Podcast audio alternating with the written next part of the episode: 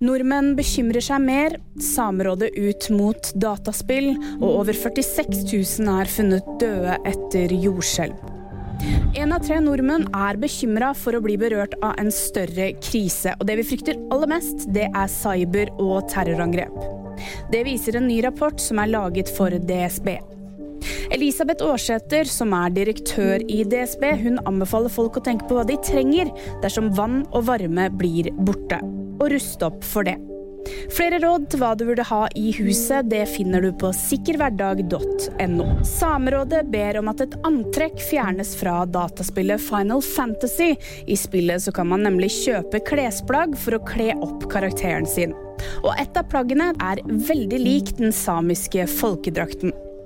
De bruker noe som tilhører det samiske folket til kommersielt bruk, sier presidenten i Samerådet til VG. Square Enix, som står bak spillet, har ikke svart på VGs henvendelse. Dødstallet fra jordskjelvkatastrofen i Tyrkia og Syria har nå passert 46 000. Og de fleste steder så har man nå sluttet å lete etter flere overlevende. Nå sender Nato rundt 1000 konteinere som skal fungere som midlertidig husly for minst 4000 mennesker. VG-nyhetene fikk du av meg, Ida Aaberg Evensen.